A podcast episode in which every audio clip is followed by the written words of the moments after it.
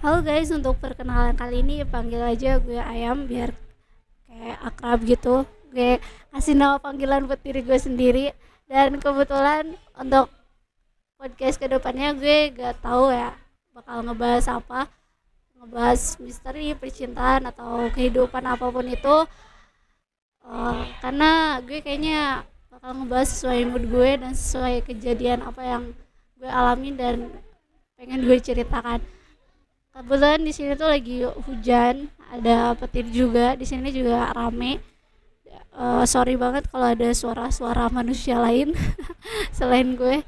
Dan nanti semoga kalian enjoy aja dengerin podcast gue dan semoga ada hikmah atau apa pun itu yang bisa kalian aplikasikan di kehidupan kalian. Oke okay, stay enjoy. Bye bye sans